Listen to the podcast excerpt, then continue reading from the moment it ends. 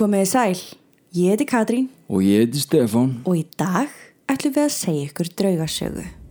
Sögu sem er svo sannlega með þeim stærstu og umfangsmestu sem við höfum og munum taka fyrir. Málið er heimsfrækt og hefur lengi verið á vörum manna og mun líklega alltaf vera það. Stórmyndin The Exorcism of Emily Rose er að stórum hluta byggð á lífi og dauða ungra konu frá Þískalandi. Þetta er sagan um eina frægustu ansetningu fyrr eða síðar. Þetta er sagan um Annalise Michel.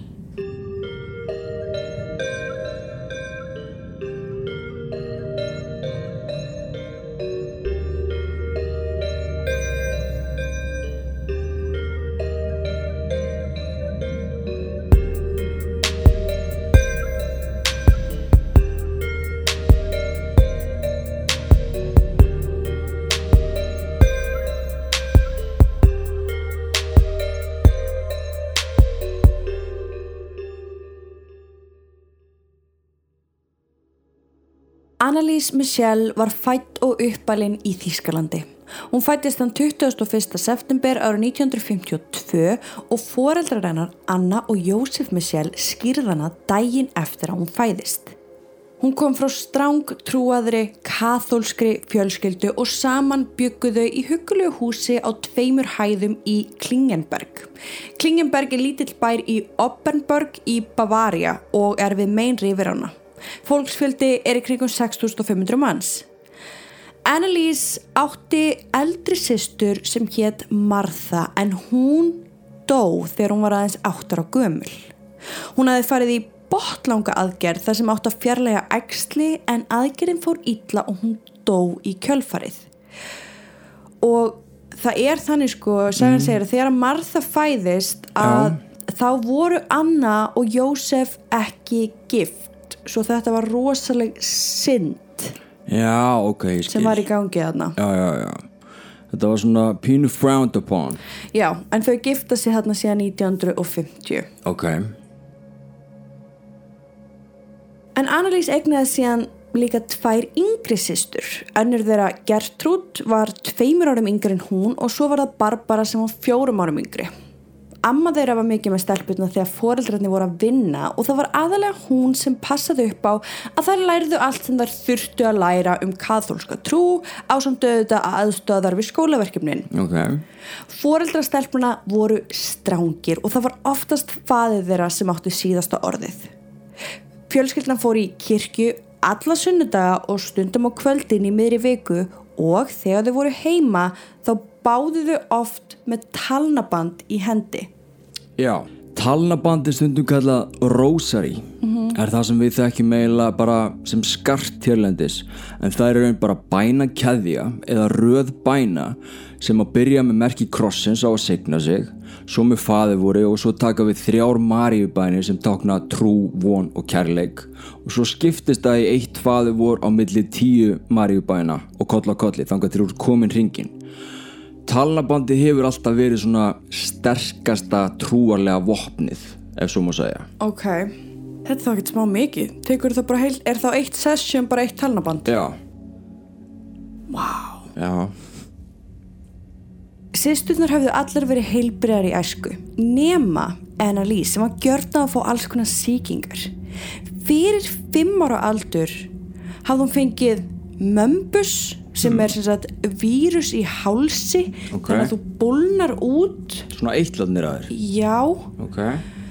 Hún hafði fengið mislinga og skarlettsótt og út af þessu var hún einu ári á eftir í skóla en með tíð og tíma virtist hún samt verða heilbrið og ný okay. þannig að svolítið bara eins og batnið hafi tekið eitthvað allt út, já. svo svona já, já hún alltaf heilbrið bara já. En annars var Annalise bara eins og hver önnur stúlka hún elskaði að syngja og dansa hún var góður námsmaður og kennararnir hennar voru vissir um að einn daginn myndum sjálf gerast kennari Í septembermánuði árið 1968 nálagt 16 ára ammalistegi Annalise fóru undarlegi hlutir að gerast. Hún missir skyndilega meðvitund og vinur hennar sem satt við hliðinnar verður hrættur og reynir að vekja hana. Hún kemst aftur til meðvitundar stuttu síðar og þau hafði enga útskynningu á hvað hafði gerst og þau einhvern veginn hlói bara að þessu óappi. Enda hafðu þau ekki hugmyndum að þetta var aðeins byrjunin á helvítinu sem Annalise átti eftir að ganga í gegnum næstu árin. Um nóttina sama dag vaknar Annalise í rúminu sínu en hún gati ekki hrift sig. Hún opnaði augun en hún gat ekki með nokkru móti hreift líkamassinn eða höfuð. Það var eins og ósynlegt afl sæti ofan á maganum á henni og hún fann hvernig heitt pissið fór að leka niður löppin á henni og hvernig fötin hennar örðu blöyt. Hún átti erfitt með að anda og tungan hennar var lömuð. Hún reyndi að vekja sýstur sína sem var í rúmunu við hliðin á henni en hún kom ekki upp orði. Eftir nokkra mínútur var síðan lokið. Þrýstingurinn á maganum hennar var horfin en tungan hennar var auðm. Hún stendur upp, næri hreint lagarúmið og skiptur um fött. Hún leggst svo aftur niður og reyndi að sopna. Morgunin eftir þegar móðurinn að vaktina til að fara í skólan sagðist hún vera allt og þreytt til þess að mæta. Hún sagði mömmu sinni líka frá því sem hún hafði upplifað um nóttina og jú, vissulega fannst þeirra hræðilegt að heyra að þetta hefði komið fyrir hana en þetta atvöku var glemt og grafið nokkrum vikum setna og hún held áfram að standa sig vel í skólanum og fór að æfa tennis þegar hún hafði smá tíma aflögu þá þegar hún var ekki í skólanum að læra eða í kirkjunni. Ok. Allt gekk vel þanga til í ágúst 1969 og þessi saga á eftir að vera svolítið þannig það er mikið af dagsetningum, það er mikið af ártölum og við skulum mm -hmm. bara svona reyna að fylgja sögunni þannig. Já. Þetta er í ágúst 1969 mm. en þá lendir Annalise í rauninni fyrsta blackoutinu sínu okay. og um nóttina lendur hún aftur í sama atviki Hún var lömuð og gat ekki hreift sig sama hvað hún reyndi. Handleginnir hennar voru stífir og hún átti mjög erfitt með að anda og gat ekki með nokkru móti kallað á hjálp. En eftir nokkra mínútur var þessu lokið. Veistu, erum við að tala um svepp lömun þarna eða?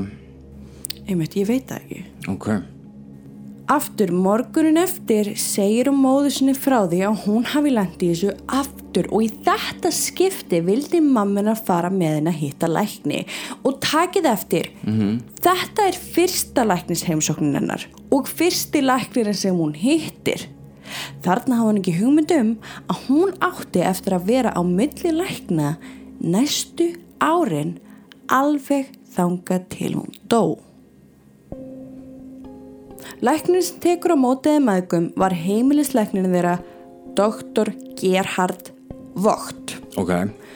Hann skoðað hana en miða við lýsingar þeirra maðgna á því sem hafiði gerst þá vildi hann endilega að þær myndu hitta taugalækni, maður sem ég Dr. Luthi. Ok, hann er læknir nummið tvö. Já. Sálæknir spurði hann margra spurninga og gerði einhver prófa á henni. Hann fann hins vegar engin frávik hvorki líkamleg nýja andleg. Hann gefur þeim samt nýjan tíma í ágúst til þess að fara í EEG-próf. Sem er svona heila línuritt. Já, hún mætir þanga og það kom allt vel út. Okay. Svo meða við lýsingar Annalise mm -hmm. og mhm. móður hennar þá vildi lækniri meina að hún væri að þjást af flogaveiki Er það malepilepsi? Já, þetta þýðir í rauninni sko stórt flog Ok, þessi tegund af flogum Já, Já. Uh, Ég er náttúrulega ekki læknir en ég googlaði þetta mm. og þetta er rauninni, já, þetta er mikið flog, þetta er svona stórt flog og veldur meðveitundaleysi og yktum samdrætti í vöðvum mm. Þetta er tegund floga sem flestir sjá fyrir sér þegar þeir hugsa um flók Já, okay, okay. og stafar á óeðleri rafvirkni um heilan en sko, eins og ég segi ég, ég er ekki flógaveik, ég þekki engan sem er flógaveikur þannig að ég er bara engangu að, að hérna, vinna svolítið með það sem Google er að segja mér sko. okay. En þrátt fyrir þessa greiningu þá skrifaði hann ekki upp og neinn lif fyrir hana vegna þess að hann taldi vera svo langt á milli floga hjá henni. Ok, Af því að- hvað, var- hvað var langt á milli? Af því að sko þarna er þetta bara búið að gerast tvís og sinnum og það var ára á milli. Mm, ok, Og þessi læknir allavega ákveður að trýta þetta mál á þennan hátt. ok, ég meina, hann er læknir Anna var hins vegar mjög hrætt fyrir höndóttu sinnar og hafði áhyggjur að þetta myndi hafa slæm áhrif á framtíðinar og drauminar að verða kennari. Annalís sneri þó aftur í skólan en henni leið alls ekki vel. Hún kvartaði undan því að vera með særindi í hálsi. Í kjölfari voru hálskirtlatni teknir úr henni og hún fekk lúnabólgu ofan á það. Úf, Hún hætti að mæti í skólan og lá í rúmunu heima þangað til hún var lögð inn á spítala þann 28. februar 1970. Hún var lögð inn á stofu í Mittelberg. já, sem er svona tveimundi þremu klukkutímum frá hennar heimabæ Já, og þar voru sem sagt læknar sem sérhæfðu sig í bronkitis og lúnasjúkdómum. Ok, Á meðan Annalís var á spítalanum eitt hún meira á minna öllum sínum tíma í að byggja. Hún bað fyrir sjálfur sér og framtíð sinni. Annalís, hún trúði ekki á tilviljanir og hún var vissum að Guð væri að gefa henni einhver skilaboð í gegnum veikindin hennar. Hún sagði mömmu sinni að eftir að hún veiktist þá hafa hún byrjað að horfa á heiminn öðruvísi og að hún var í byrjað að kunna meta litlu hlutina í lífinu. Hún trúði því af öllu hjarta að Guð væri með henni í þessu öllu saman og hún setti líf sitt í hendur hans að öllu leiti og treysti því og trúði að hann myndi vísinni veginn. En svo fær hún annað flók þann 3. júni sama ár og aftur gerðist það að nóttu til og þegar hún vaknaði þá gati hún ekki hreift sig. Handleikirnir hennar voru stífir og hún átti mjög erfitt með að anda. Svo fann hún pissið, leka niður löppina og fann fötin sín blotna. Þegar þessu lauglokksins fekk hún aðstóð við að skipta rúminu, skiptum föt og fór aftur að sofa. býtu þannig að þetta er sömu engin Hún hann að missi þvæg rúmið og hún er sofandi og hún er frosin Já, og alltaf minnst á sko handleikirnir hennar voru bara stífir. Ah, ok Þann 16. júni fer Annalís og hittir annan taugalækni, mann sem hétt Dr. Wolfgang von Haller og aftur var hún send í EEG-línurit og sömu niðurstóður komu. Það var engin óeðlileg starfsemi í heilanum. En þessi læknir ákveður samt að skrifa upp á taugalifhandinni sem hann vonaði að myndi hjálpa. Aftur 11. ágúst, eila mánuði setna, Já. þá fyrir hún aftur í EEG-skana og aftur fannst ekkert aðinni. Þann 29. ágúst fekk hún loksins að fara heim en fjölskyldan öll og systrunar þá aðalega tóku eftir því að Annalise var ekki eins hún var vanalega. Hún hafði breyst, hún var leiðileg í skapinu og mjög uppstökk. Í september hittir hún svo aftur Dr. Luthi, bara í reglulögt eftirlit en þá segir hún honum að hún sé byrjuð að sjá ógeðslega hluti. Hún segir honum að hún sjáu djöfuleg andlit í hverju hortni og henni leið eins og hún væri tóm að innan. En síðan einhvern veginn leið bara tíminn og við verðum að gera eitthvað grein fyrir þetta að við, við erum að spanna yfir svolítið mikinn tíma. Já, já Annalise held áfram í skólanum en fer og hittir lækni haustið 1971 sem hétt Dr. Lenner. Hún viðurkennir fyrir honum að hún sé byrjuð að finna ógeðslega lykt sem byrtist bara úr þurru en hún lísti lyktinni eins og brend skítalikt. Mm. Hún sagði hann líka frá djöflugu andlitunum sem hún var að sjá og að hún væri orðin hrætt. Hún var komin tveimur árum eftir í skóla vegna veikinda og hún var stressuð að byrja aftur. Vá, hún hefur fallið svona mikið aftur úr á þessum tíma Já, því hún vann náttúrulega alltaf einu ári á eftir Þess. út af því að hún var þarna búin að vera veik svo mikið í æsku Já. og svo núna missur hún annað ár. Út á þessum veikindum Já. Vá, Vinkonar hennar sögðu síðan setna meir að Annalise, hún hafi aldrei talað um veikindi sín eða um dvöl sín á spítalunum. Hmm. en þær voru samt allar sammála um að Annalise hafði breyst hún var, hún var þögul og hún vildi helst vera ein og þær tóku líka eftir að hún vildi engangu tala um trúarleg mál sem eru kannski ekki alveg beint svona eðlilega samræður eins og stelpur og hennar aldrei voru Næ, kannski í. ekki hún vildi bara tala um trúarlega hluti Ó, En einhvernur hennar fór að dala og hjúgrunafræðingurinn í skólanum vildi endilega senda hana til lungnasérfræðings aftur í Miltenberg. Svo þar maðgur gerði sér ferð þangað og hittu lækni sem hétt doktor Redschelt. Og hann spurði önnu móðurinnar út í flógin sem doktorinnar var að glíma við. Hann sagði að lungunarnar letu vel út en hann varð var við eitthvað frávik í blóði og vildi senda hana til fymtalæknisins sem hétt Dr. Packhauser. ok En þær maðgur voru þarna voru orðna mjög þreyttar á að fara fram og tilbaka á milli lækna og fá engin svör. Einmitt Þegar þar hittu þennan fymta lækni þá ákveður hann að skrifa bref til sjötta læknisins, maðurnafni Dr. Vogt. Yes. Þar sem hann deildi með honum áhyggjur sínum af Annalise. Dr. Walt taldi samt ekki nöðsynlegt að hún færi til fleiri lækna og hann skrifaði búið taugalið fyrir hana aftur. Það eru samt enga sannanir um að Annalise hafi tekið þessi lif. Hún held áfram að fá flók og þegar það gerðist þá var hún alveg stíf og gati ekki hreift sig. Oftast var hún meðvöldundalös líka. Í kjölfarið var hún mjög þunglind og átti erfitt með að læra. Sengt í júni 1972 þá sem sagt tæpla ári eftir að þeir hittu Dr. Vogt sem vildi bara setja inn á taugalifin Já. þá fær Annalise aftur slæmt flóðakast og eftir það kast þá var hann alveg búin á því svo þær maðgur ákveða í september að fara og hitta heimilisleiknin þeirra Dr. Luthi, þar auðvitað hitt hann áður Já, Aftur sett hann hann í EKG-skana en hann sá engin frávik þar. Hann ákveði nú samt að skrifa upp á annað taugalif fyrir hana, Centropil eða Dilantín. já, sem er svona flógavekislif Já, sem er aðalega notaði mitt bara til þess að koma í veg fyrir flók. Ok, En það getur auðvitað haft aukaverkanir eins og öll lif. jú, jú Það getur haft áhrif á taugakerfið, valdi höfuverk, uh, svefleysi, útbroti andlitið á líkama og haft áhrif á góm og lifur. Svo nú er búið að skrifa út handinni þrjú taugalif en það verðist ekki vera neinstar skjálfest fyrir hún fer á þetta lif sem Dr. Luthi skrifar út handinni. Þannig að Ok, það er spurning bara yfir við höfuð. vitum ekki hvort hún hafi raunin farið á hinn lefin Nei.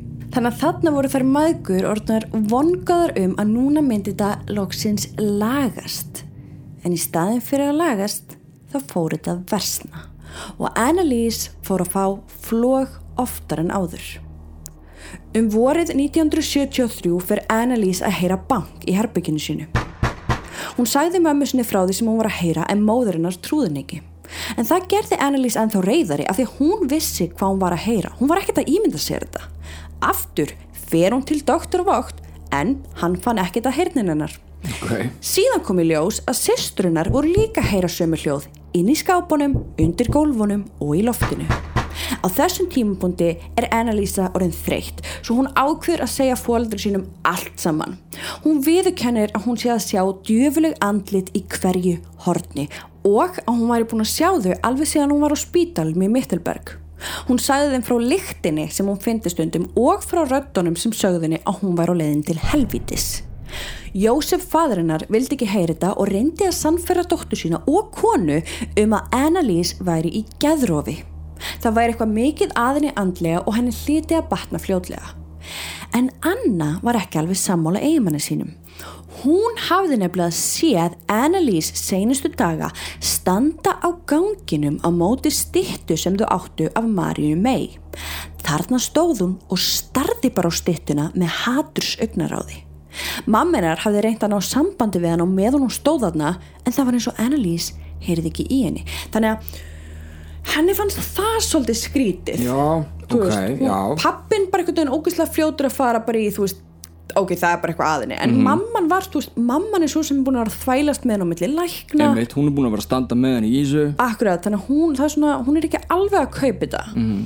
í apríl veikist Annalise aftur af einhverju sem heitir þýskum mislingum. Ok, það er eitthvað afbreyða míslingum sem að við þekkjum ekki. Já, en hún fer þarna og hittir nýjan fjölskyldulækni sem Mhm. hétt Dr. Keller Vá, ok Þrátt fyrir að hafa mist mikið úr skóla þá náði hún samt öllum prófunum og náði að útskrifast. Það var sko sannlega tími til þess að fagna. En Annalise var ekki skapi nýja ástandi til þess að fagna. Um hausti 1973 hittir Annalise annan lækni, Já, já, Dr. Lenner. Hún segir honum að senustu tvö árin sé hún búin að vera á hræðilega dimmum og vondum stað. Henni var alveg samum allt og hafði ekki áhuga neinu. Á tímabili hafði hún íhugað sjálfsmorð af því henni leið eins og hún var í föst í djúbri hólu. Pappinar Jósef hafði verið í sambandi við fólk í San Diego vegna vinnu sinnar og þannig hafði hann kynst konu sem starfaði í kirkjunni þar. Hann hafði sagt þessari konu frá því sem var að sjá dóttur sína, þess að hann var ekki alveg sama sko. nei, nei, Og þessi kona, hún vil endilega fá hana til sín. ok, Svo þau fara saman feðginin með strætó til þess að hitta tegu. ok, En þegar þau eru komin á áfungastað og ætla að ganga inn í kirkjuna þá getur Annalise ekki gengið inn. Hún grét og sagði pappa sínum að hún væri að brenna á löpunum. Hann reyndi þá að fara með hana inn bakdyramegin en hún gata ekki heldur. Hún sagði líka að hún gæti ekki hort á trúarlegar myndir sem voru í glukkanum. wow, Thea vildi þá bjóða Annalise að drekka úr heilugum brunni þarna skamt frá. Þau fara alls saman að brunninum og Thea fyllir glasa vatni en Annalise fer undan og sagði að vatnið lyktaði ógeðslega og hún gætt ómögulega komið í neður. Pappinar reynir svo að setja utanum hálsinar medalíu með heilugu þrenningunni Já, á. ok. En Annalise gat ekki haft hann um hálsin því hún sagði að hún væri of þung og henni liði eins og hún væri að kapna. Thea var með svipaða medalíu undir kjólnum sínum og skyndilega fer Annalise að henni og rýfur hálsmunnið af henni ásamt því að hrindin í jörðina sem sleit á talnabandið hennar í leiðinni. Wow, þannig það er ótrúlega mikið að gerast á þessum stað. Já, bara allt í henni bara eins og e eitthvað bara smelli Já. hjá henni og hún bara ræðist á þessa konu. Þannig að þessi staður sem að hún drekkur, ja, er búið þetta vatn úr sem brunni, það er hjá dýrlingi sem að heitir St. Francis Assisi og þetta er mjög helgur staður þar sem að fólk sem að hefur hluti krabba megin og slíkt þar að gera sér ferðvanga til þess að drekka úr sem brunni Er og það? þetta á bara að vera gæðvegt svona holy. Ó, nú skil ég akkur að hann vildi þá fara með hana á hanga. Mm. Vá, og það er akkur að þarna sem hún einhvern veginn byrjar að vera áðbeldisneið, sko. Þegar þau feðgin voru á leiðinni heim í strætó þá lét Annalise ennþá förðulega. Hún gerði grínategu og notaði ljótt tungumál og blótsirði og hún byrjaði að tala djúbri röddu eins og karlmaður. Hún byrjaði líka að gefa frá sér lykt. Einhvers konar brennandi skítalegt, sagði faðurinnar. Jósef satt við hliðin á henni og reyndi að halda utan um dóttur sína og róa hana en hann átti bara virkilega erfitt með að út af þessari lykt sem kom frá dóttur hans og allir í strætónum voru byrjar að taka eftir þessu. Ó. Þú veist, þetta var alveg Það ábyrrandi. þannig sko. En þrátt fyrir þetta allt saman þá enduðu Thea og Annalise á því að verða vinkonur. Ok, Hún sagði að hún geti nefnilega að tala við Thea um alls konar hlutir sem hún gat ekki tala við móðir sína um. Eins og til dæmis það að hún tæki stundum ekki lifin sín og Thea bað fyrir Annalise reglulega. Lean Bari á Íslandi með fyrsta flokks fæðibótarefni fyrir alla þínar þarfir hvað sem úrst að losna með auka kíló, byggja upp, auka styrk eða bara sitja heim í sófanum. Ég byrja aldrei daginn ef með ískaldri fat burner koffinbomb á mótnana til að rífa mig upp. Og við hjá draugasögum erum við þetta bálskotin í Ghost vörulínunni þeirra. Ef þú vilt fá persónlega þjónustu frá skemmtilegasta starfsfólkinu skaltu kíkja til þér í Glæsibæ eða næla þér í tilbúsverður á leanbari.is Nýtt skólaár gekk síðan í garð og Anna móðurinnar fór að íta dóttur sína að skrá sig í háskólan. En Annalise sagði mömmu sinni að hún var ekki í neinu ástandi til að byrja í skóla. Hún var þunglind og hún var ennþá að sjá djöfuleg andlit allstæðar.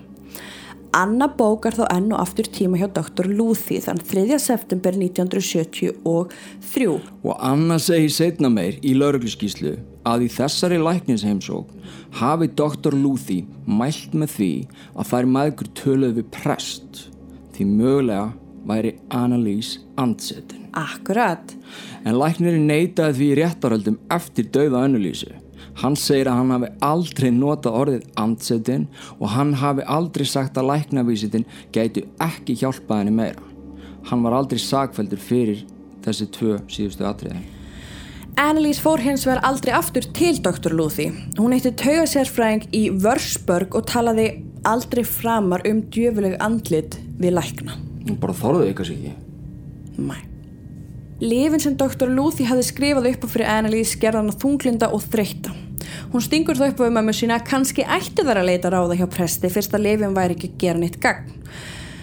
Thea mældi með föður Hammiger. Fjölskyldan skrifaði þó nokkur bref til föður Hammiger og á endanum fór öll fjölskyldan að hitta hann. Með á fundinum var fadir Roth.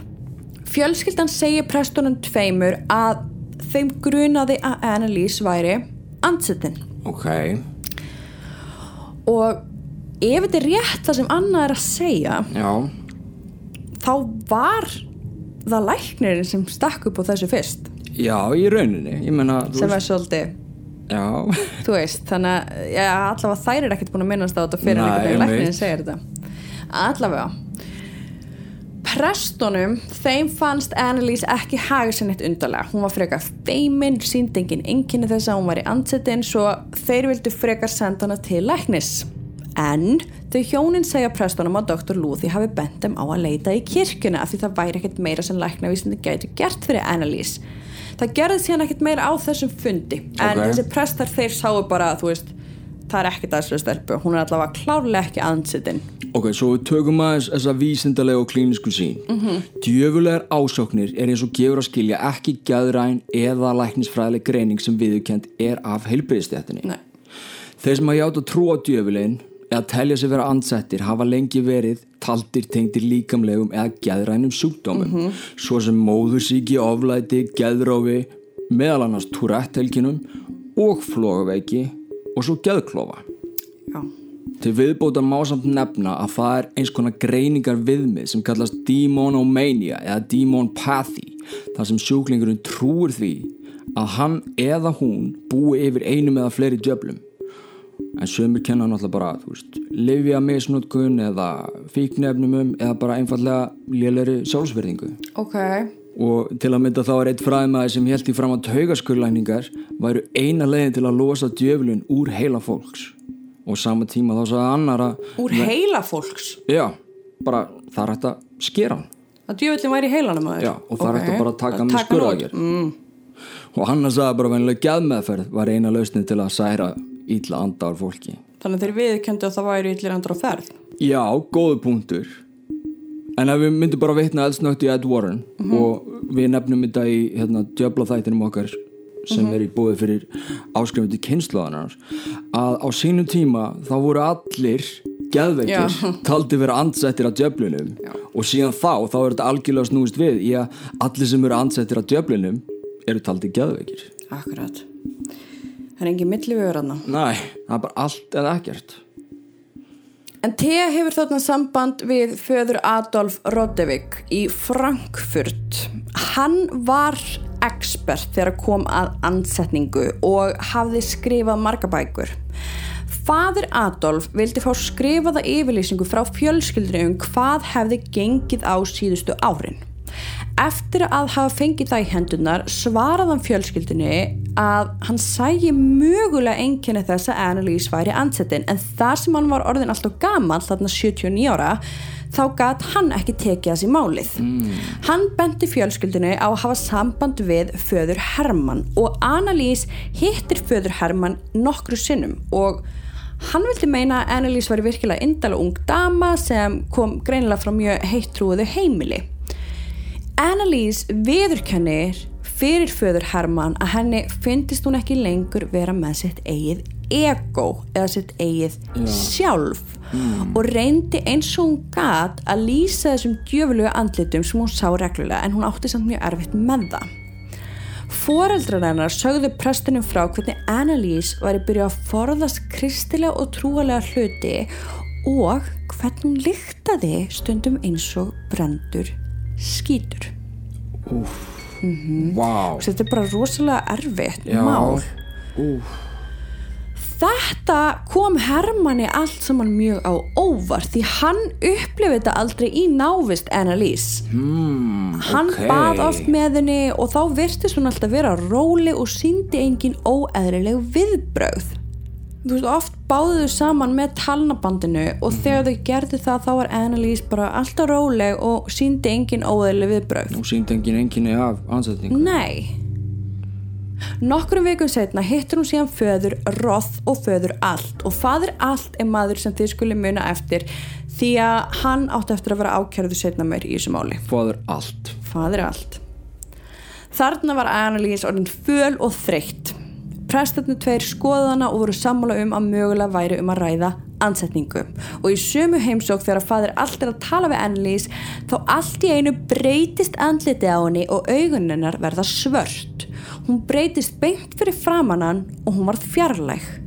Annalise horfur á prestin og segir að djöfullin sé í óða önn að misnota sig. Sérst bara akkurat þegar þarna, bara akkurat á þessu augnabliki Já. Presturinn fyrir yfir hana blessar hana og byður fyrir henni og fljótlega var hún eðlilega aftur. Annalise fór að líða betur hausti 1973 hún skráði sér í skóla til þess að læra að verða kennari okay. Eftir að hafa komið sér fyrir í Vörsburg sem var katholst hostel af því hún þurfti að fara til þess að fara inn á skóla. Já, að þá kynast hún fólki sem var jafn trúað og hún og Mhm. hún hafði núna stað til þess að byggja og fólk til að byggja með. Og hún held ennþá í trúna á þessum tímabúndi og hún misti aldrei trúna. Já. aldrei. En þrátt fyrir að þú veist vera búin að kynast þarna fólki og búin að koma sér vel fyrir þá sakna hún fjölskyldur sinna mikið það voru nokkra stelpur í skólanabanda sem hún kannast við. Úrsula var herbyggisfélagin hennar og hún þekkti líka Karin og Mary. En þrátt fyrir að taka inn lifin sín reglulega og fá heimsókn frá föður allt á tveggjaðakna fresti þá fann hún samt ennþá fyrir miklu þunglindi og þessi djöfulugu andlit heldur áfram að byrtast henni. Svo það var erfitt fyrir hann að mæta í tíma Í november þá fer hún með vinkonu sínum á ball sem Ok. okay. var örgulega gott fyrir hana Já, og þar hittir hún Peter. Þau náðu saman strax og heldu áfram að hittast reglulega eftir ballið. Vinkonur Annalise sáu strax mikinn mun á henni. Hún var byrjuð að hegða sér eins og úrlingstúlkan sem hún var og núna ástfangin úrlingstúlka. En eftir að hafa verið að hitta Peter í tvær vikur segir hún honum að hún get ekki hitta hann lengur. Hún sagði honum frá því að hún væri mjög þunglind og flogaveik og þegar hún fengi flogaköst þá styrnaði líkaminn hennar upp og hún gat ekki hreift sig. En Peter sá ekki af hverju þau ættu að hætta hittast trátt fyrir það. Hann vildi hjálpunni og skildi ekki af hverju læknar voru ekki hjálpunni líka. Hún ákveður þá að panta tíma hjá doktor Lenner og í þetta skiptið fara þau saman. Hún segir lækninum rækilega frá vandamálunum sem hún var að glíma við. Hún var þunglind, hana, það vantaði alla framtaksemi og hún átti erfitt með að hlusta og einbytta sér. Hún sagði lækninu líka að hún var í hrifin af Peter en henni fannst ekki rétt að vera með honum þar sem hún gæti ekki gefið honum sömu ást og hann gæti gefið henni. Dr. Lenner spurði hana ótal spurninga um sambandennar við foreldra sína. Já, Hann kom síðan með glænýja kenningu. ok Hann stakk upp á því að hún væri svona veik af því hún hafði alist upp hjá stjórnsumum föður og að hún hataði móður sína af því hún hafði aldrei leift henni að hitta stráka. Ég veit ekki, sko, ég ok. veit ekki. Ég, ég veit ekki samt hvað hva læknisfræðilega greining það er En ok Hann vildi greina hana með flogaveiki og hann vildi að hún færi aftur í heila línuritt sem hún gerði. En eins og alltaf þá kom ekkert óeðlegt þar fram. Ok En læknirinn gerði aftur livjabreitingar. Hann tók hana af dilantín og sett hana á tegretól. Eins og hitt lifið þá hefur tegretól líka sínar aukaverkanir. Það getur valdið þreytu, ógleði og svima og þetta lif hefur áhrif á blóðið og því er eðlilegt að fylgjast með blóði reglulega. En það eru enga sannanir fyrir því að hún hefur nokkuð tíma farið í blóðpröfu. Annalise sagði lækninum líka að hún væri með heimþrá og frá lyktinni sem kom stundum af líkamannum hennar. Ok, allir Pítur hafi tekið eftir þessu Nei, Ok, ég held nefnilega að hún sé ekki búin að segja honum frá þessu þarna sko. ok En læknirinn vildi útskýra þessa lykt sem flók út af fyrir sig. Hmm. Hann vildi meina að veikindi Annalise væru líkamleg en hún myndist heldur ekkert á djöfulegu andlitin við hann. Eftir þetta held hún áfram að hitta Pítur og stundanámið þótt hún hafi átt mjög erfitt með það. Aftur hitti hún föður allt en núna var hún hægt að geta beðið og henni leið ekkert betur þrátt fyrir að hafa skipt um lif. En fadir allt tók í höndanar og bað með henni aftur og aftur þangar til loksins hún gætt sagt orðin uppátt sjálf. Annalise reyndi að hitta föður allt eins oft og hún gat því henni fannst hann hjálpa sér. Já, Hann stakk upp á því að Annalise myndi byrja að lifa ennþá kathólskari lífstíl ok. Heldur hún hafði gert Ætla að sé hægt? You tell me. Og hann mældi með að hún var að hitta lækni líka að hitta sig og lækni. Ok, Annalise hittir svo Dr. Lenner þann 7. mæði 1974 hún segir honum að hún sé búin að þjásta miklum hausverk senustu vikur sem hún vildi meina að væri aðalega í enninu Þetta gætu auðvitað verið aukaverkun og tegratólinu en læknirinn tók samt eftir að ríflexin hennar voru hægari en vanalega og hún viðurkendi að hún var byrjuð að sofa miklu meira líka heldur en vanalega. ok Læknirinn vildi samt meina allt var að fara í rétta átt og senda hana heim. Svo fyrst að læknirinn gæti ekki hjálpa henni neitt meira þá hitt hún föður allt þegar henni leið sem verst. Sko, fadir allt var rosalega mikið á milli þess að þetta væri líkamleg veiki Já, eða andleg veiki.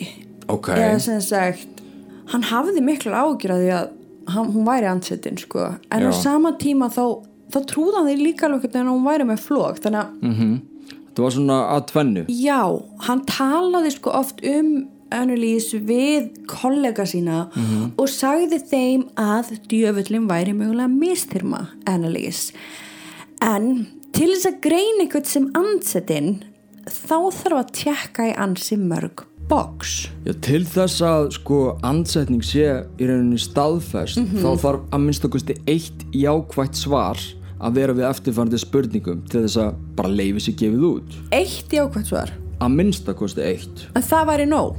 Já, af þessum fjórum ok, spurningum. ok Númer eitt, hefur einstaklingurinn greint frá hlutum sem hann gæti ekki vitað af eða atbörðum sem eiga eftir að eiga sér stað? Ok. Númer tvö, hefur einstaklingurinn talað tungum eða öðru máli sem honum var ekki kunnugt áður? Ok, og númer þrjú hefur einstaklingurinn sínt ómennska krafta eða afl? ok.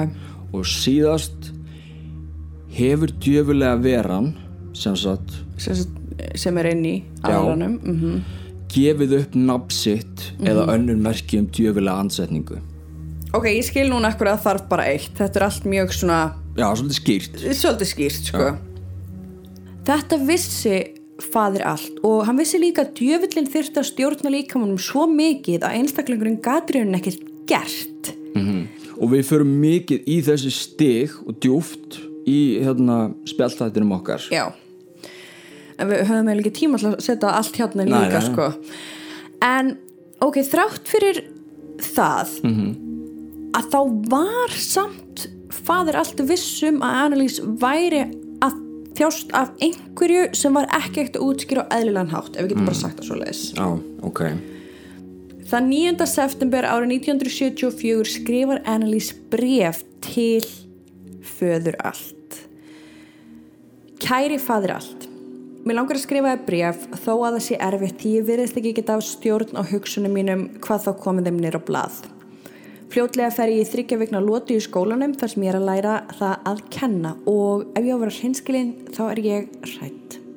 Ég get ekki kópað við raunveruleikan af því að ég er ekki við stjórnvöldin inn í sjálfur mér og það gerir mig þunglinda. Ég tek aðalega eftir þessu þegar ég er með eða í kringum hana fólk eða þegar ég er að spila á píanóið, líka ef ég er að skrifa bref eða að tekna mynd, eða í rauninni bara þá skiptir það engum máli hvað ég er að gera. Mér líður aldrei vel með neitt sem ég geri því ég er aldrei til staðar. Hvers vegna er Guð að neyta mér um hamingju? Er hægt að lifa þegar maður er svona tómur að innan? Ég spyr mig aðeins aftur og aftur. Ég verð samt að viðkynna að lífið er kannski árið pínu lítið betra en ég finn það samt að það er ekki alveg allt í lagi með mig. Það var eitt aðvik sem gerði mig mjög meðvitað um ástand mitt og mjög hrætta. Mér langaði til þess að taka þátt í þryggja vikna vinnulótu á spítalanum. Ég var þar í einn dag uh, en snýri svo heim í einhvers konar trans ástandi. Í fyrsta lagi þá var ég kjörsanlega úrvinda líkamlega en klukkan var bara hálf tvö. Ég var samt ekki bara úrvinda líkamlega, ég var líka úrvinda andlega. Ég, mér fannst einhvern veginn, mér leið eins og ég var ekki tengd við neitt í heiminum. Fóreldra mínir sáu þetta strax að það var eitthvað að svo þau voru heima frá vinnu þann daginn. Seinasta lögadag fór ég svo í skriftastólinn og ég veit er eðlilegt að fá smá kvíða áður maður fyrir að skrifta en í þetta skipti var þetta bara ekstrím. Mér leið eins og það væri ekkert gott í kringum mig en eftir að hafa skriftað þá leið mér aðeins betur. En mér líður samt eins og ég sé alveg tóm.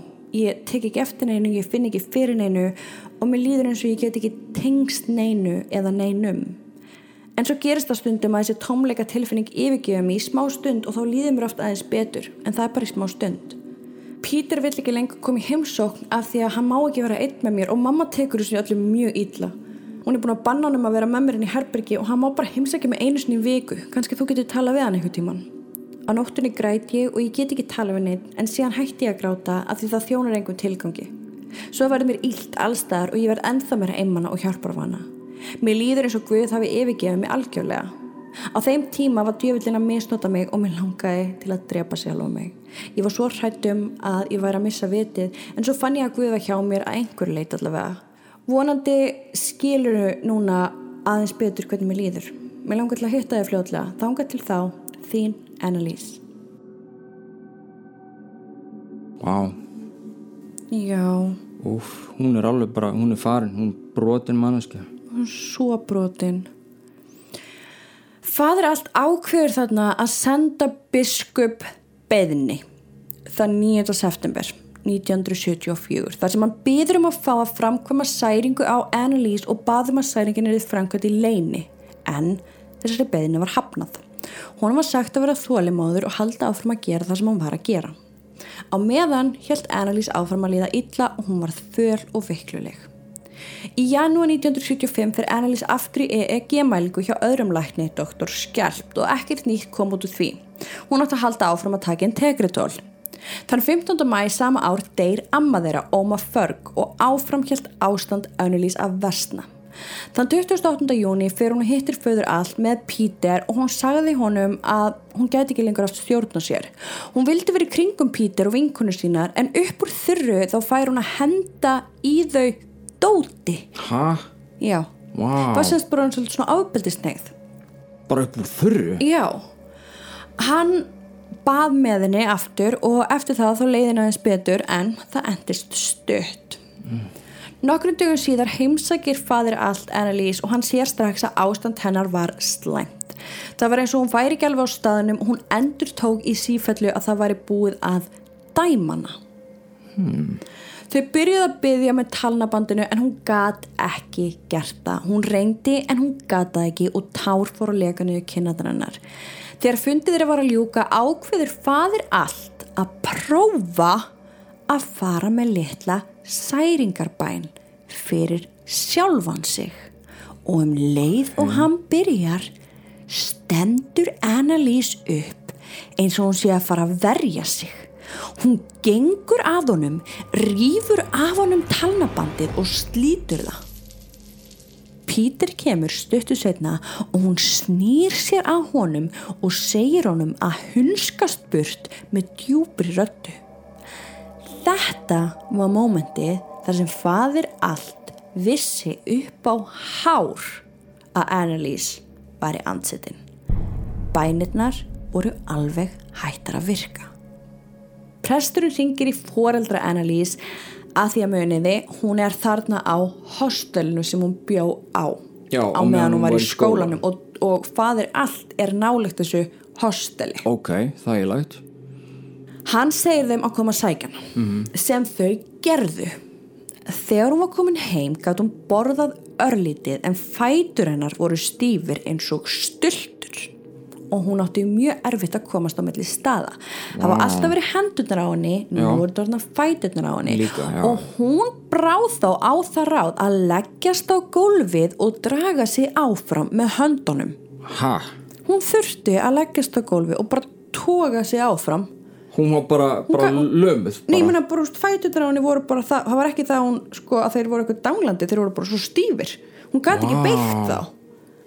Ok, Hún tók í allt sem hún gat, fætur af stólum eða borðum og tókaði sig áfram á milli herbergja og gerum okkur aðeins grein fyrir því. Þú veist, það eru rosalega margir sem að kannski er að fjalla með þetta mál eða, eða lega sér til um þetta mál og hugsa bara, vá, þannig er hún bara að byrja að, þú veist, draga sig eftir gólfinu og hún er bara að byrja að, þú veist, vera ótrúlega skrítin og jæri, jæri, jæri. Hún var ekkit skrítin kannski akkur þarna. Hún var kannski bara nýbúin að borða banana og svo bara gat hún ekki farið áfram. Hún er bara ekkit öðruvísildur en ég og þú. Þú veist, hún var bara að lendi í þessu og þetta er bara hræðild að hugsa til þess. Hugsa hún var ótrúlega hrætt og hún átti erfitt með að sofa.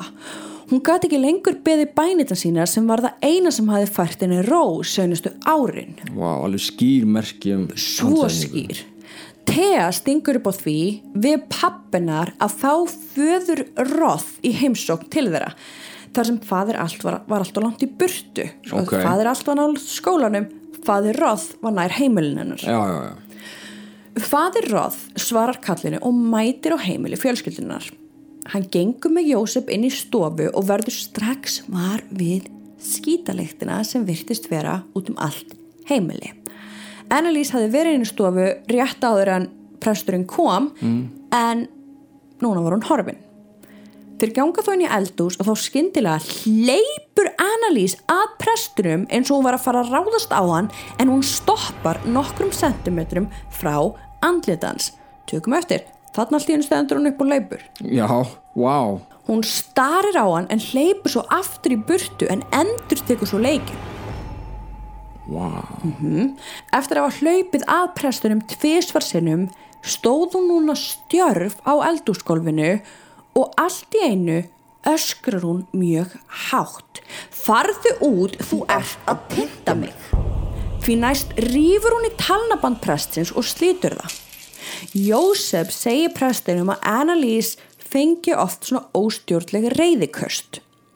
Þá ákveður presturinn að prófa að taka upp kross sem hann geymdi í brjóstvassanum og liftir honum upp svo Annalise sér og um leið byrja djöfulegu verurnar innra með henni að öskra og urra. Annalise gengur svo að 5 lítra vastangi sem var þarna í eldúsinu tekur hann upp og ætlar að henda í prestin en í staðinn missir hún tankin við hliðina á sér. Vá Ok, þannig er hún að sína einhverja krafta og svo gefur hún sig Já, Ok, skrítið Þetta er allt mjög skrítið þetta er allt mjög skrítið. Þegar hér komið við sögu var meira en vika síðan Annalise hafði reynt að fara út úr húsi. Það var ómögulegt vegna þess að hún gati ekkert gengið. Hún gati ekki byggt lappirnar. Nema í þetta eina skipta sem Já, hún hleypur að prestinum. Hún átti líka erut með að tala. Eitt sunnudaginn í júli 1975 beður Anna móðir, móðurinn að Pítur um að fara með Annalise í bíltúr. Hann gerir það, fer með hann út fyrir bæinn á fallegt náttúrusvæði. Hann vissi að hún gati ekki gengið almennlega svo hann hjálpar henni út úr bílnum og saman standa þau og horfi við grasi. Skyndilega fellur Annalise á hnýjan. Pítur beigir sig niður og ætlar að hjálpa henni á fætur en hann tekur eftir því að Annalise er í einhvers konar trans ástandi. Svona var hún í tíu mínútur án þess að hreyfa sig. Peter fannst hann vera búin að standa þarna í heila eilíf en loksins ríkur Annalise á fætur og öskrar Sjáðu, ég get labbað, ég er frjáls. Peter stóð stjarfur og horfði á Annalise hlaupa fram og tilbaka og hún var allt önnu manneskja. Hann spyr hana hvað hafi gerst og hún segir honum að hún hafi séð Marju May byrtast sér og að Marja May hafi frelsað hana.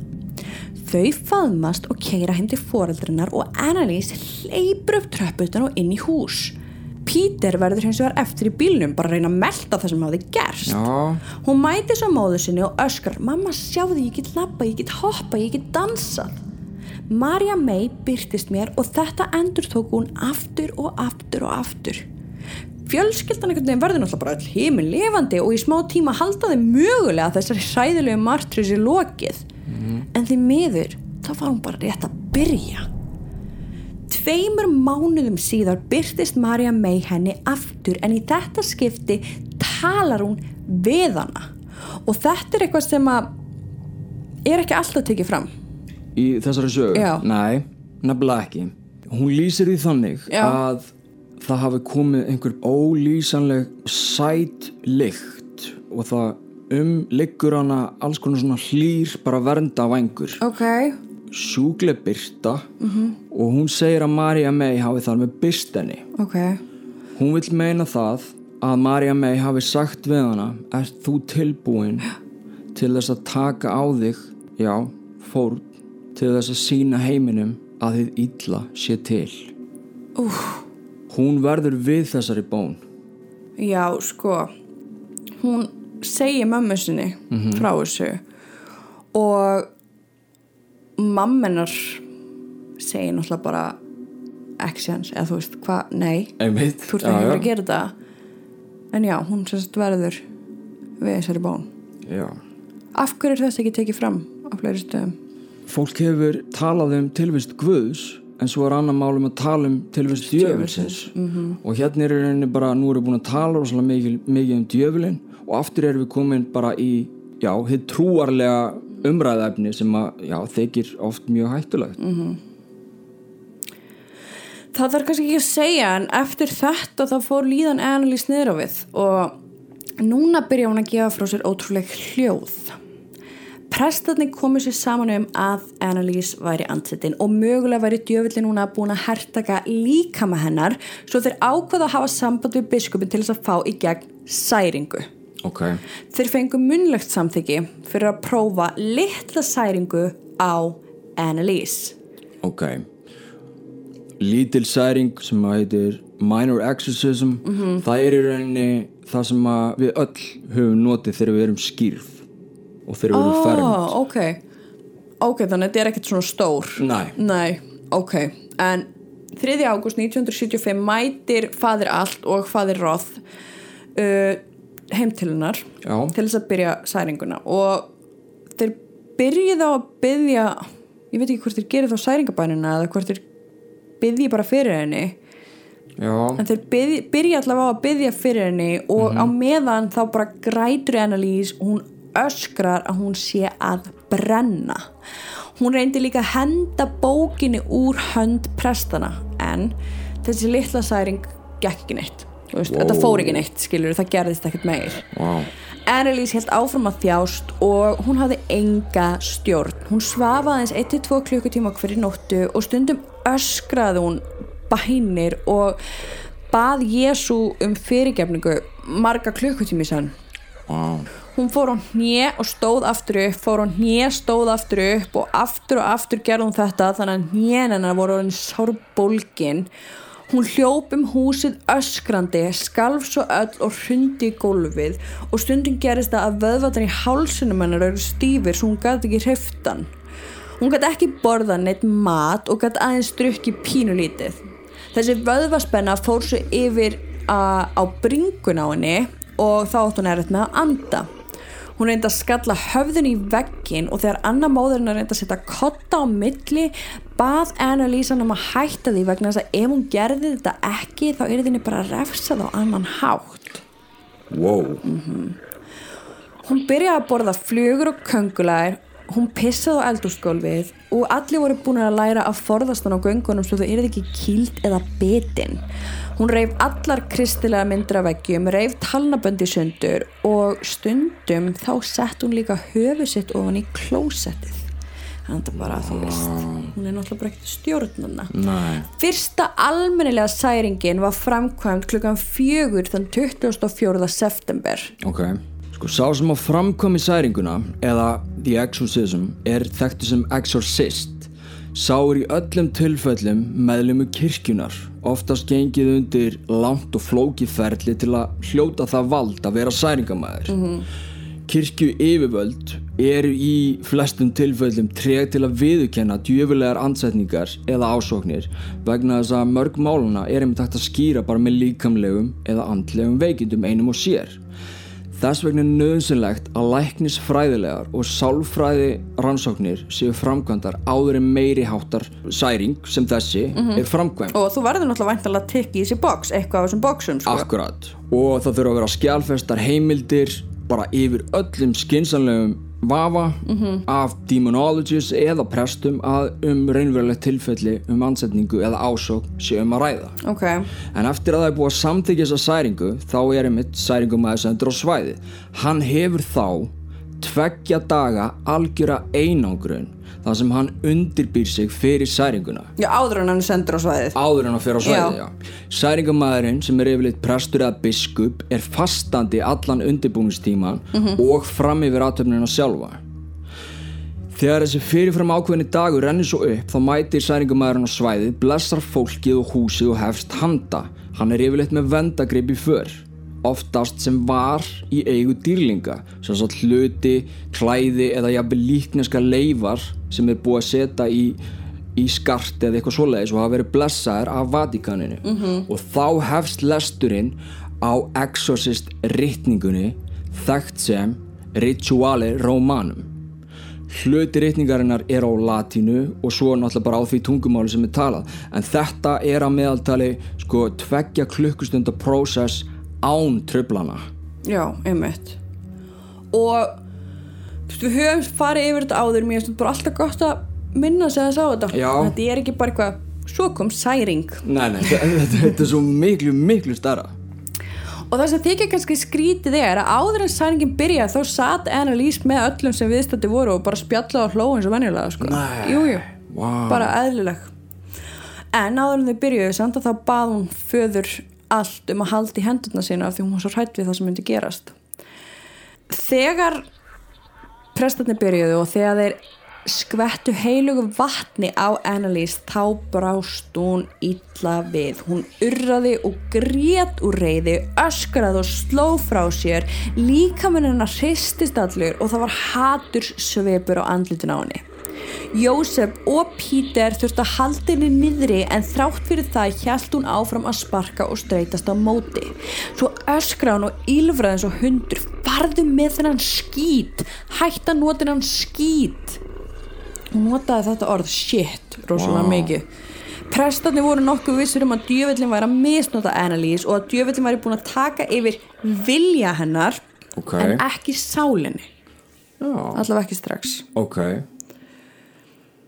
sko, eflaust eru kannski einhverjir búnir að hlusta á uh, eina særingu sem allavega fór fram. Ég held að þetta sé ein löng særing.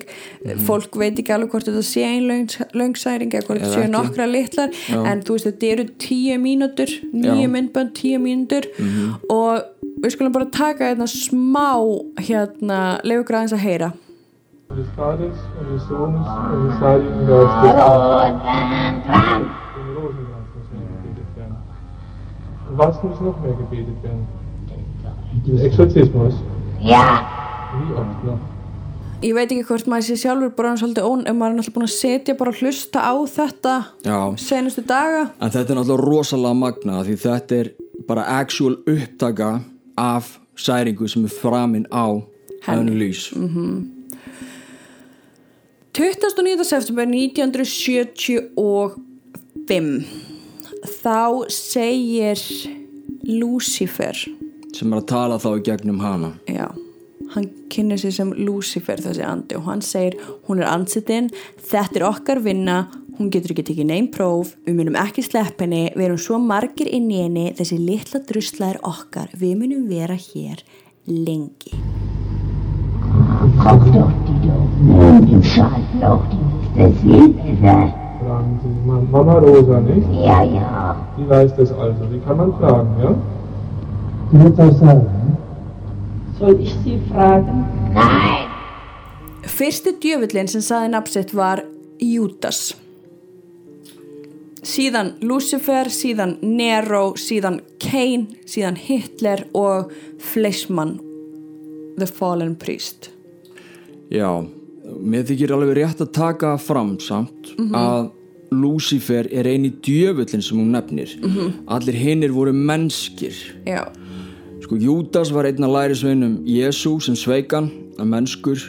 Nero var rómuskur keisari sem drap alla fjölskylduna sína og var ábyrgur fyrir að brenna kristna menn lifandi á báli. Þú veist, ekki tökulega náungi en hann er mennskur. -hmm. Cain drap bróður sinn Abel mennskur, Hitler þá náttúrulega valla að kynna, Nei. hann er mennskur. Fleischmann var katholsku prestur á árunum 1500 sem framdi morð og var alveg útskúfaður af kirkinu með miklum látum. Hann var líka mennskur. Þannig að Lucifer er samt eini djöfullin sem hún nefnir. Svo höfum við heimildir fyrir því að það var sagt, svona high level djöfull sem að heitir Belzebub sem er samkvæmt örgum heimildum einn af þeim sem ansetti Annalise. Og hann er svolítið svona í því að, villa að sér heimildir og segjast vera einhver annar. Já það er svolítið áhugavert hann nefni öll þessi nöfn. Þú veist Hitler og Fleischmann og fer í svona smá þjó, þjóðveri annar og eitthvað. Akkurat. Og líka smá sætnót það eru særingar hérna mál að því að við tölum um það að það er verið að henda á hana sko vikðu vatni Já. og hún bregst ítla við það er alveg mál þar sem að mannskan sem er ansettin að hún geti virkilega að drukki heilagt vatn aðeins að sína neinn viðbröð wow. að því að sko heilagt vatn er að sjálfsögðu ógislegt fyrir þessa djöfla en þeir geta stundum þóst ekki vera þarna mm. og drukki vatnið já, eins og, eins og er kannski gerast þarna til dæmis þegar hún er að taka móti fólkinu áður en særingin hefst akkurat.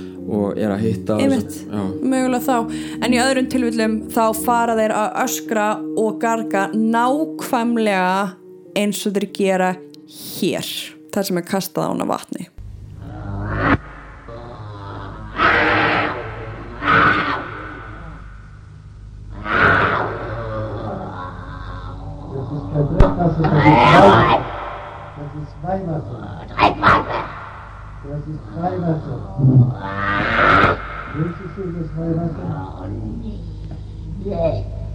og það er transkript fyrir þessu. Við getum sett link á það.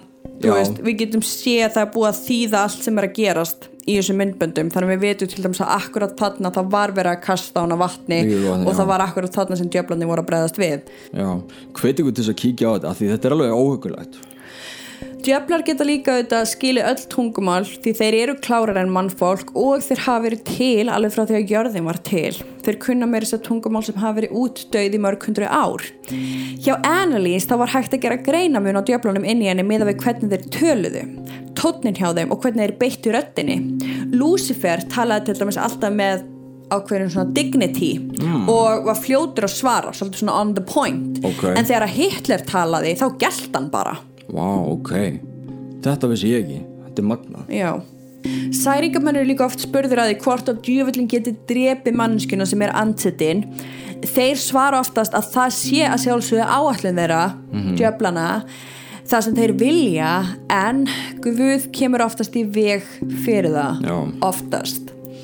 Særingamæðurinn segir Lucifer að fara út úr líkama Annalise og þetta var bara í fyrstu særingunni en Lucifer neytar að fara af því hann segir hann hafi svo margt að segja Vá, Það voru allsgerðar 66 særingar á Annalise svo það gerðist margt á meðan á þeim stóð. En í oktober 1975 spyr særingamæðurinn Júdas hversu lengi djöflarnir ætla að vera inn í Annalise og Júdas svarar að hann vilji tala meira. Annalise segir svo setna meir að Maria May hafi byrst henni og sagt henni að hún myndi losna við djöflana í oktober þá eftir ár af því þetta er að gerast í oktober. En máli var að hún hafði alveg sagt eitthvað svona áður. ó, En Lucifer staðfesti þetta og sagði að Júdas er sá fyrstur til að fara og hann sjálfur er þið sá seinasti. Þeir myndu fara eitthvað annað í oktober eftir ár. Wow, ok Það þarf að viðurkenna það að vald djöfulsins getur farið inn á vitsmunasvið einstaklings og líka tekið yfir vilja aðilans. Mm Djöflur geta haft bein áhrif á viljan án þess að hafa áhrif á vitsmunasvið beint. Ef að djöfullin hefur áhrif á þessi tvö svið þá getur sá sem er ansettin erfilega stjórna því sem er að gerast og hefur ekki mikinn styrk til þess að streytast á móti en einstaklingur gerir sér ekki endilega grein fyrir því afgrunnar að fá þessa impulsa að eigðilegja og meiða Nei, því hann er í rauninni ekki á staðnum Nei. Í dagbók Annalise skrifur hún Ég byrja að finna fyrir þörf til þess að byggja. Maria May segir mér að ég muni verða frjáls í oktober. Hún sagði mér þetta fyrir nokkrum dögum. Lucifer segir síðan alltaf í þessum, í þessum særingum Já. bara við munum fara úr henni fljótlega en við viljum ekki fara en við viljum halda það fram að pyntana en við munum samt fara Ok, þú veist, og líka bara ef eru, ef þið ákveða að hlusta á þetta Mhm. þú veist vá, hvað er erfitt að hlusta á djöfulinn sko já Ah, bara- það, það tekur á hann er svo vittlaus en Já, samt svo, já. æ, þú veist, þetta er bara þetta tekur á sko. Margir veltaði fyrir sér hvernig það er hægt að vera ansettin á sama tíma trúa á Guð og hafa löngu til þess að byggja eins og Annalise var. Mhm. Svarið er að djöfullin hefur áhrif á líkamann en Guð hefur áhrif á sálina. Já. Í dagbók Annalise kemur fram að hún hafi aftur séð Marju May og hún hafi sagt við hana að hún kæmi á föstudaginn 29. oktober og hún myndi reka þá í burtu. Ok. Wow, ok Í málum þar sem manneskja er búin að vera ansettin lengi en hefur samt sem áður náða einhverju leiti að lifa trúuðu li lífi eða kristnu lífi Já. þrátt fyrir að detti trans og detti blakkat og allt þetta þá geta englar guðu stundum gefið skipin og hreitt djöflin í burtu Næsta særing gekk betur og var svo best að hinga til. Prestarnir virtust ná að reka djöflana út sem höfðu öskrað, vælt og gælt allan tíman. Og takt eftir, þegar særingunni var að ljúka, þá lísti analýsti yfir að henni leið miklu betur og allir sem voru viðstætti voru spenntir að analýst væri loksins frjáls. En þá skyndilega öskrar djöfullin. Ég er ekki ennþá farin. Og ég er að hugsa hvort þetta sé þá djöfullin sem þú varst að tala um áðan vegna þess að þessi djöfull segðast vera einn eftir og að hann hafi ekki ennþá sagt til naps mm, Það er pottið þessi. Já. Prestarnir reynda að lengja særinguna og reka hann út en það gekk ekki eftir. Og þó að Annalise liða eins betur þá voru allir mjög leiður og sáru og því það voru allir bara oh, þú veist, það var að klárast ég veit næsta særing var svo gerð þann 3. november og hún gekk ekki heldur upp Úff. Þótt ótrúld með virðast hjælt Annalise áfram að mæti skólan og náði meira að segja lokaprófunum. Vá, Hún var líka að byrja að geta beðið bænir aftur, farið í mössu og í skriftastólinn. já, Ed Warren vil meina það að þegar þú ert andsetin þá er það ekki alltaf 24 klukkutíma sólarhengs. Þetta getur komið og farið og er yfirleitt þannig bara allan andsetningatíman mm Mhm. eins og má segja Algjörlega og svo er það náttúrulega líka þannig eins og þú sagði mér, eh, náttúrulega þú veist allt um þess að djöfla, að þeir píka líka alltaf einhverjum ákveðin tímum, Já, satt?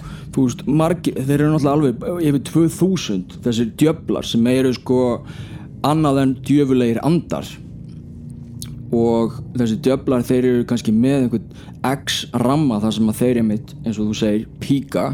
Og þá er það kannski þessi er bara milli 2 og 4 á nóttunni. Já. og svo er það næsti sem er bara milli 11 á kvöldin og til þú veist 1 -hmm. og þannig er hún bara já, ansettin af x mörgum djöflum, við vitum ekki hversu mörgum. Nei, talað um tíu, já en þú veist, við, við vitum ekkit á hvaða tímum þeir eru að koma og fara sko. nei og mér finnst þetta mitt svolítið merkilegt ef maður fer að rannsaka þetta mála. já, og líka gott að taka það fram. Veist, hún, á, hún er ennþá alveg hún lifir ekki miklu lífi en hún Nei, reynir samt ennþá. Já. sko ég hef ekki sé myndir að segja búin til um þetta. Nei, uh, ég veit ekki hvort hún hafi verið látin, þú veist, vera þannig í myndinni hvort hún lá alltaf bara niðri og var, var ansettin eða hvort hún hafi verið í skóla já, það er mjög langt sinni sá sem mynd. Já en það var allavega önnur særing var framkvæmt hann 8. november mannstu þeir átt að fara í oktober já, önnur Ok. framkvæmt 8. november og þá voru allir djöflandi komnir aftur mannstu það átti bara að vera einn ok, eftir já. en það voru oft allir komnir nokkrum dögum setna fekk Annalise törf fyrir að fara í kirkjuna og hún hafði þörf til þess að fara og taka við líkum að krist sem sagt, svona oblóta já, og drekka vínið já, sem er, sem er talið vera blóðkrist sem sagt líkami krist og blóðkrist Í særingunni sem kom eftir þann atbyrð segir Lucifer Ef hún fer aftur og fær brauðið og það þá munum við rífa hana í tætlur. Við munum gera allt verra, helvitis hóran að fara á nýja. Særingamæður spyr þá af hverju þeir fari ekki úr henni? En Júta svarar að þeir geti það ekki. Að valdið uppi leifið þeim ekki að fara en að þeir vilji komast út og að þeir vilji ekki verið í kirkjunni þar sem Annalise er alltaf. Wow, yep. ok.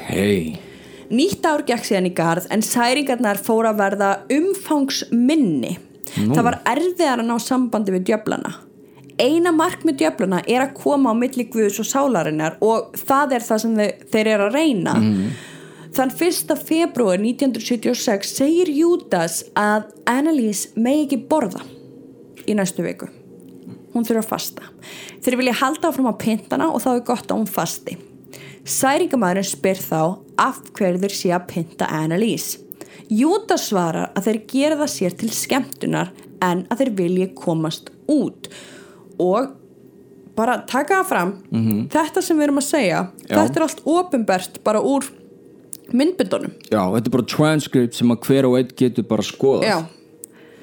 Vikun eftir segir Annalise að hún get ekki borðað. Hún lísti í þannig að hún var sársvöng en það var eitthvað sem kom í veg fyrir að hún borðaði. Hún mátti heldur ekki setja sér vettlinga nýja húfu þegar hún fór út. En það var svo kallt úti þannig að hún eiginlega forðaðist það. Og um nóttina þá gat hún eða mátt hún ekki svo með sæng. Og í eitt skipti þurfti hún að klæða sig úr öllum fötunum og þannig þurfti hún að vera í einn og halvan tíma. Bara heima sér, Vá. þú veist, en það var kallt og hún sagði prestunum bara hún hefði enga stjórnun einu.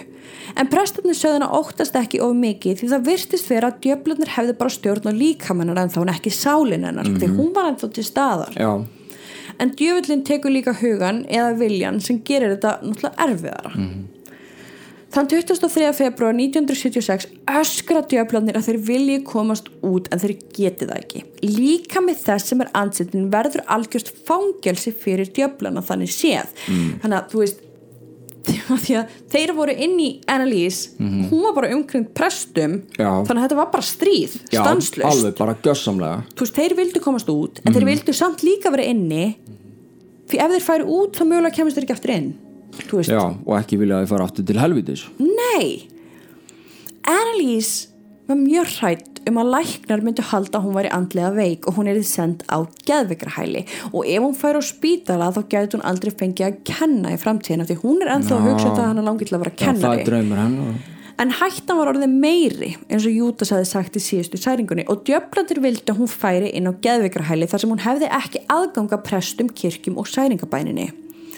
Annalise segir prestunum að mæ og júni eru þau erfiðir mánuðir en þetta myndi allt saman enda í júli.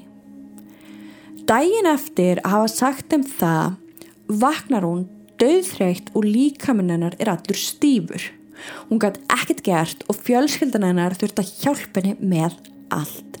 Hún var hálf meðvitundalaus í tvær vikur. 30. apríl byrjar hún svo að öskra og hún öskrar stanslust allan daginn svo hátt að fjölskyldan óttaðist að allir í hverfinu heldu að þau var að pinta stelpuna. Þau ringdu þó í prestana sem gátt ekki komið fyrir en daginn eftir en næsta morgun var Annalise alveg róleg eins og ekkert hefði gerst.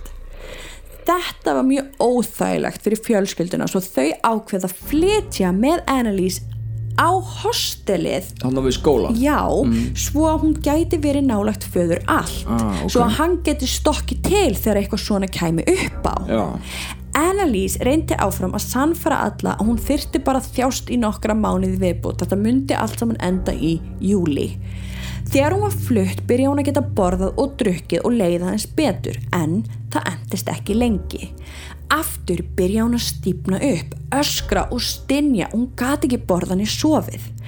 Fadir allt kemur til hennar en í þetta skipti var annað hljóð í Annalise Hún sagði honum og hún væri svo þreytt og hún gæti ekki haldið þessu áfram.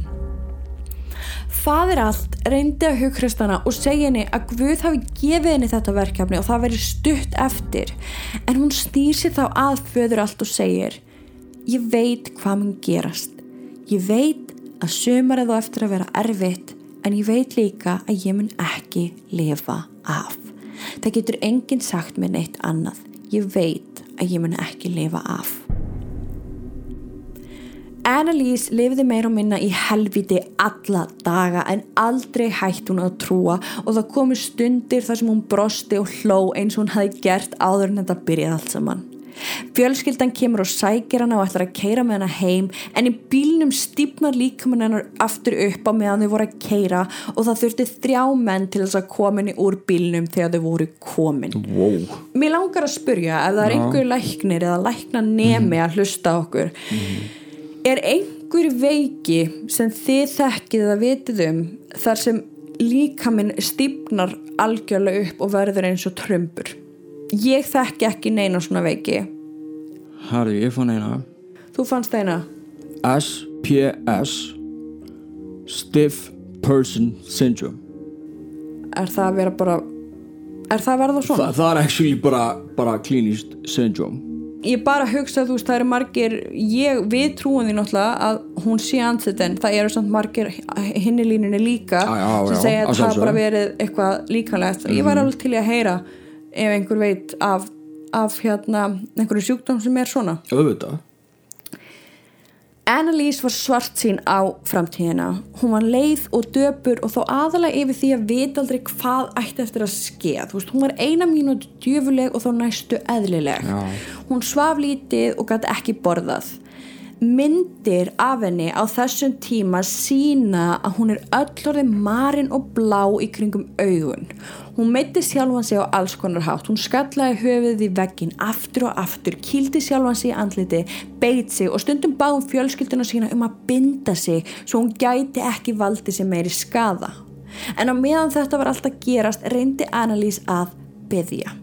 Móður hennar fór að taka eftir því að henni var hendnir á gólfi með rosalega afli aftur og aftur og þó þau reyndu að setja púða á gólfi til að gera falli bærilegra þá var baki á henni einhvern veginn nú þegar orðið blátt og marinn þú veist og kíkja á myndirnar, einhver hafa eflust séðar, aðrir hafa ekki þetta er, Þetta er sláandi, við látum það fylgja með á Já. heimasíðu draugasöðu.com en þú veist þið viti að þær eru, þær eru ógíslar þú veist, ekki skoða þær ef þau eru mjög viðkvæm. Næstu tvær særingar gerur lítið sem ekkert og Annalise brást ekki við neinu, þó hún væri við meðvutund. Fadir allt vildi hafa lækni á staðanum eftir að Annalise hafi brotið í sér tennurnar með því að býta stykki úr vegnum. Hann vildi fá Dr. Roth og vildi líka aðtöka hvort það væri ekki hægt að gefa Annalise eitthvað róandi. Læknin kom en um leið og hann sér Annalise sagðan að læknavísindin gætu ekki gert neitt fyrir hann og svo stöddu. Það var ekki hægt að sprauta einstakling gegn djöflinum sjálfum. Undir eið þá segist hann ekki mun eftir að hafa sagt þetta. Nei, en það voru vittin sem að, heyrðu þetta Já, já. Þegar að fadir allt heimsóti Annalise aftur 8. júni var andlit hennar innfallið og hún var hættulega grönn og veikluleg. Þegar presturinn spurði hvað Annalise var að borða svöru fóröldarni því að hún gæti stundum borðað smá banana. Stundum gerist að Annalise öskraði og baði um að færa sér mat og þegar þau gerði það þá borða hún hratt en gæti oftast ekki klárað seinustu bitana. Eins og hún hefði bara eitthvað smá tíma til þess að næra sig og hún þurfti að gera það mjög hratt. Já, stundum náði hún að drekka 2 lítra af djús samt, bara wow, bú, ok. Það var bara smá svona gap þar sem hún gat Já, actually borða og sem að djöðlinn var kannski bara ekki ekki at the moment. Akkurat. En þetta var senasti dagurinn þar sem fadir allt sá Annalise lifandi. Hann skrifaði biskup þar sem hann lísti því hvernig hún hefði meitt sjálfum að segja og hún hefði brotið í sér tennundum að því að borða vegg. Wow. Hún hafði líka hent sér í gegnum glerhurð sem gerði það að verka með hún með bólkið auga. Hún borðaði lít sem ekkert. Hann stakk þá upp á því að þetta væri penance ansetning sem þýður eiginlega að hún sé að þjást fyrir syndir annara. Já, Ég nenni ekki að fara eitthvað allt og mikið út í það en, nei, það er alveg óþarfi sko en ef það eru einhverju sem vilja skoða eða googla þá er alveg ein hugmynd um það að hún sé að þjást fyrir synd móður sinnar að móður hennar hefði eignast þarna batn og fætt bann án þess að vera gift ok bara I'm putting it out there já, já, já. Fadir allt var hrættur um að fyrst að djöflunni væri hættur að tala þá væri það að merki þess að hún væri ansettin fyrir syndir einhvers annars. Áður en hann kvatt hana, huggaði hana og sagði henni að með því að þjást eins og hún var að gera þá væri hún að bjarga mörgum öðrum sálum og þetta yrði vonandi búið fljótlega. já. Þann annan júni skrifaði fadir Rens biskup og sagði honum frá öllum meðslunum hennar að hún væri öll bláa marin eftir að hafa meitt sjálfan sig og hann myndist á að Annalise hafi beð um að hún erði bundin svo hún myndi ekki skada sig meira. Í særingunni þann 9. júni öskraði Annalise stanslust og það eina sem hún sagði var absolution sem er bara frelsi. frelsi og ég get ekki haldið áfram. Djöflarnir töluðu hins vegar ekki heldur öskruðu bara eins og þeir allir væru að þjást. Stundum öskruðu þeir meira sér á nóttunni hún fór á nýja mörgursunum á dag 600 sinnum í einu án þess að stoppa á milli. En þá drakk hún ekkert nýja borðaði. Inn á milli gæti hún talað nokkuð eðlilega við vini og fjölskyldu og Pítur segir að hún hafi alltaf verið mjög skýr í tali.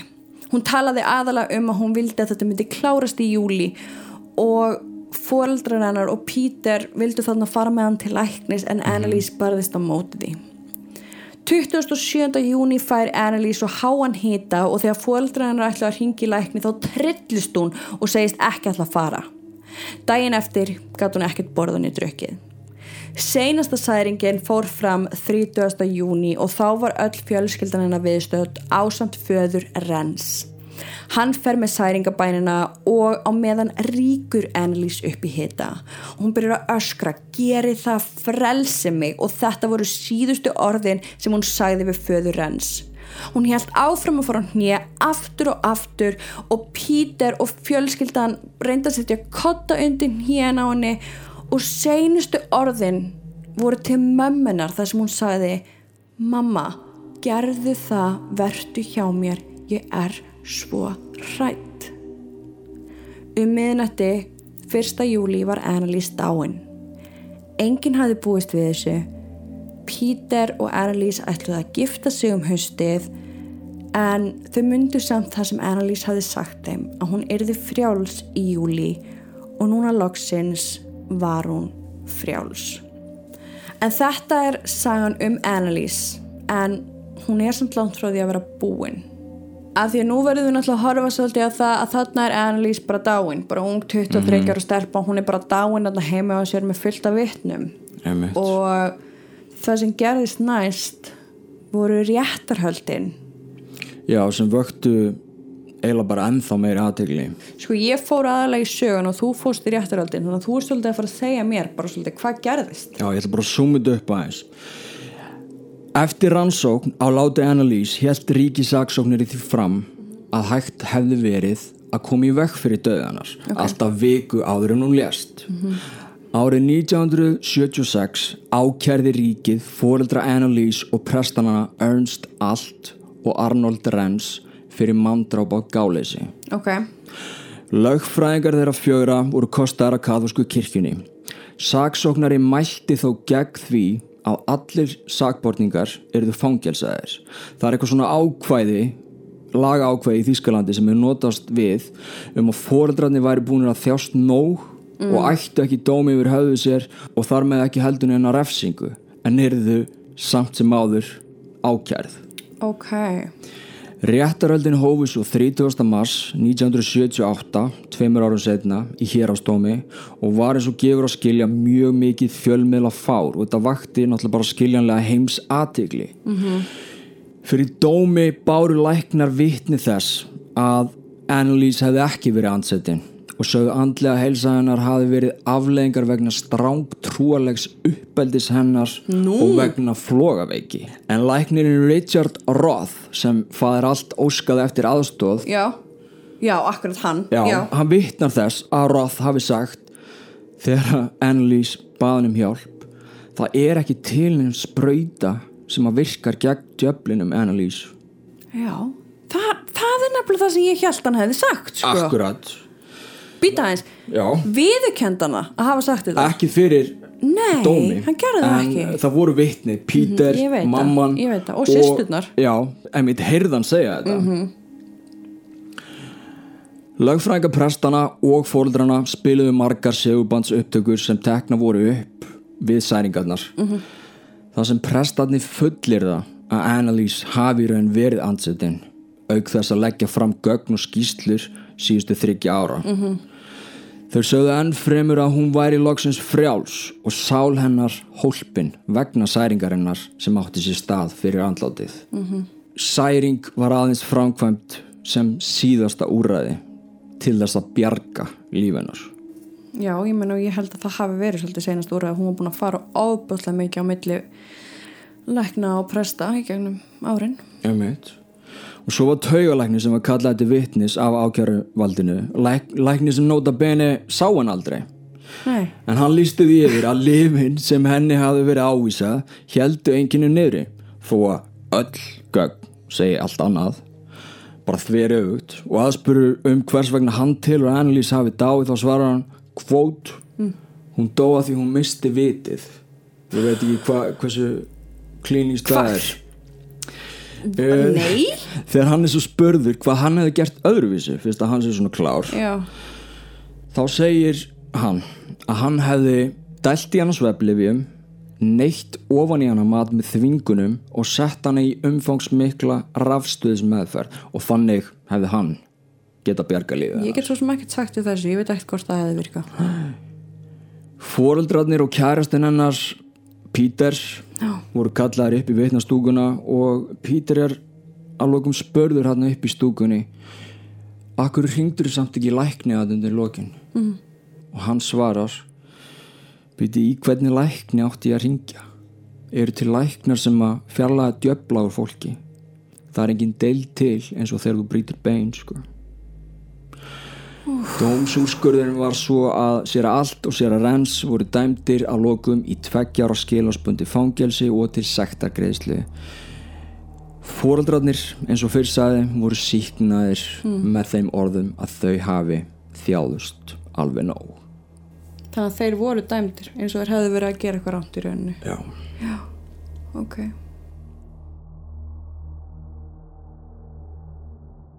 Þetta er allavega sagan um Annalise og þessa rosalega ansetningu. Og við veitum það að húsið sem hún dói það brann núna hvað, 2013 2013, já. og það var semst eitthvað kerti úr kirkjugarði. Já, þetta var svona íkveikja með einhverju þannig íláti. já, Það er ekki merkilegt líka sko hún fór í alls 66 særingar ólíkt þessum 67 sem er, sem er oft talið fram. Uh aha það kviknaði húsinu 7.7.